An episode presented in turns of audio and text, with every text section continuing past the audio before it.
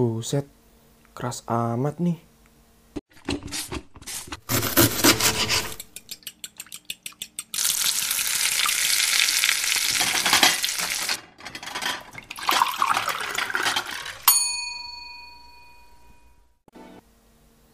Good morning everybody, welcome back di podcast kesayangan kita semua Di mana lagi kalau bukan di Secret Recipe. Saya harap kalian boleh sehat selalu di mana pun kalian berada Setelah minggu lalu kita ngomongin soal daging yang empuknya gila banget Hari ini kita mau bahas yang keras-keras Tapi bukan batu ya Kita mau bahas daging yang teksturnya keras Sampai orang-orang kalau biasa bilang Buset, ini daging apa sandal ya? keras banget. Udah daripada kelamaan dan kalian menderita makan daging yang keras. Kuis, sekarang kita langsung aja ke topiknya. Oke, biar kita fokus kali ini yang akan saya bahas adalah daging sapi.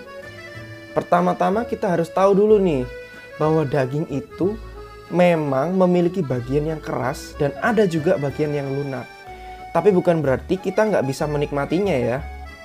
Bagian yang lunak biasa kita sebut sebagai primary cut, yaitu bagian premium yang biasanya dikonsumsi sebagai steak. Yang umum kita tahu nih antara lain seperti tenderloin, sirloin, rib eye, T-bone, strip loin, dan prime rib.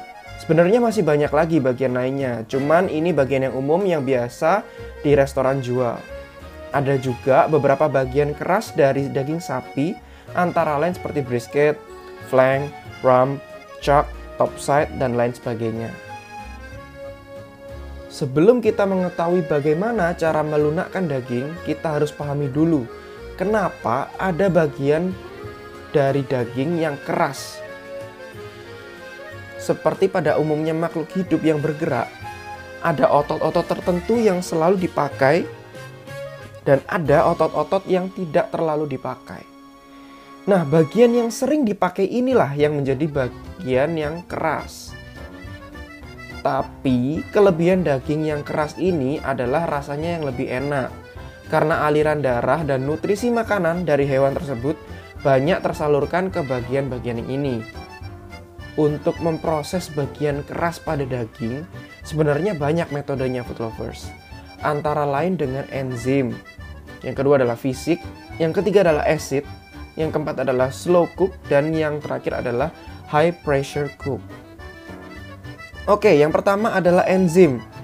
Enzim ini didapatkan dari beberapa jenis buah, antara lain papaya, nanas, dan buah ara.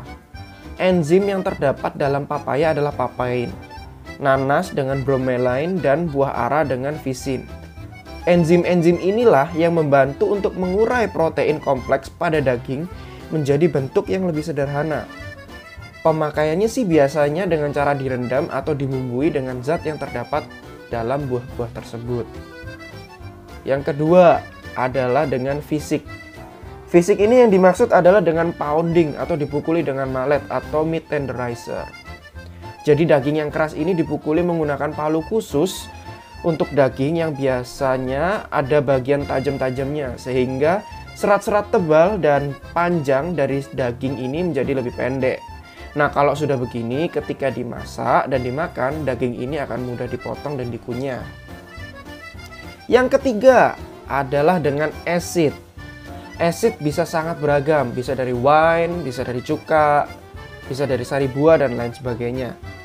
Acid lebih mudah untuk memenetrasi rasa dan melunakkan daging. Makanan yang paling umum menggunakan teknik ini adalah carne asado dari Meksiko dan galbi dari Korea.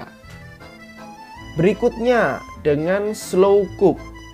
Teknik ini sangat umum digunakan untuk memasak daging yang keras karena rasa yang dihasilkan akan enak sekali dan tekstur yang dihasilkan pun akan menjadi super lembut. Slow cook membuat bagian dari jaringan ikat pada daging sapi terurai secara perlahan dan bumbu yang ikut dimasak akan mudah terserap ke dalam daging. Contoh dari metode ini adalah rendang dari Padang, braised beef, ossobuco dari Milan, atau Milanese, beef bourguignon dari Prancis, beef goulash dari Hungaria, dan lain sebagainya. Dan yang terakhir adalah high pressure cooking atau nama lainnya adalah dengan di presto. Presto adalah proses memasak menggunakan tekanan tinggi sehingga membuat daging yang keras dipaksa menjadi lunak dalam waktu yang singkat. Nah, sekarang kita udah tahu nih gimana caranya bikin daging yang kayak sandal bisa lembut buat dimakan. Udah, dari tadi saya ngomong mulu jadi lapar kan. Mau beli rendang dulu ya. Kalian mau titip nggak?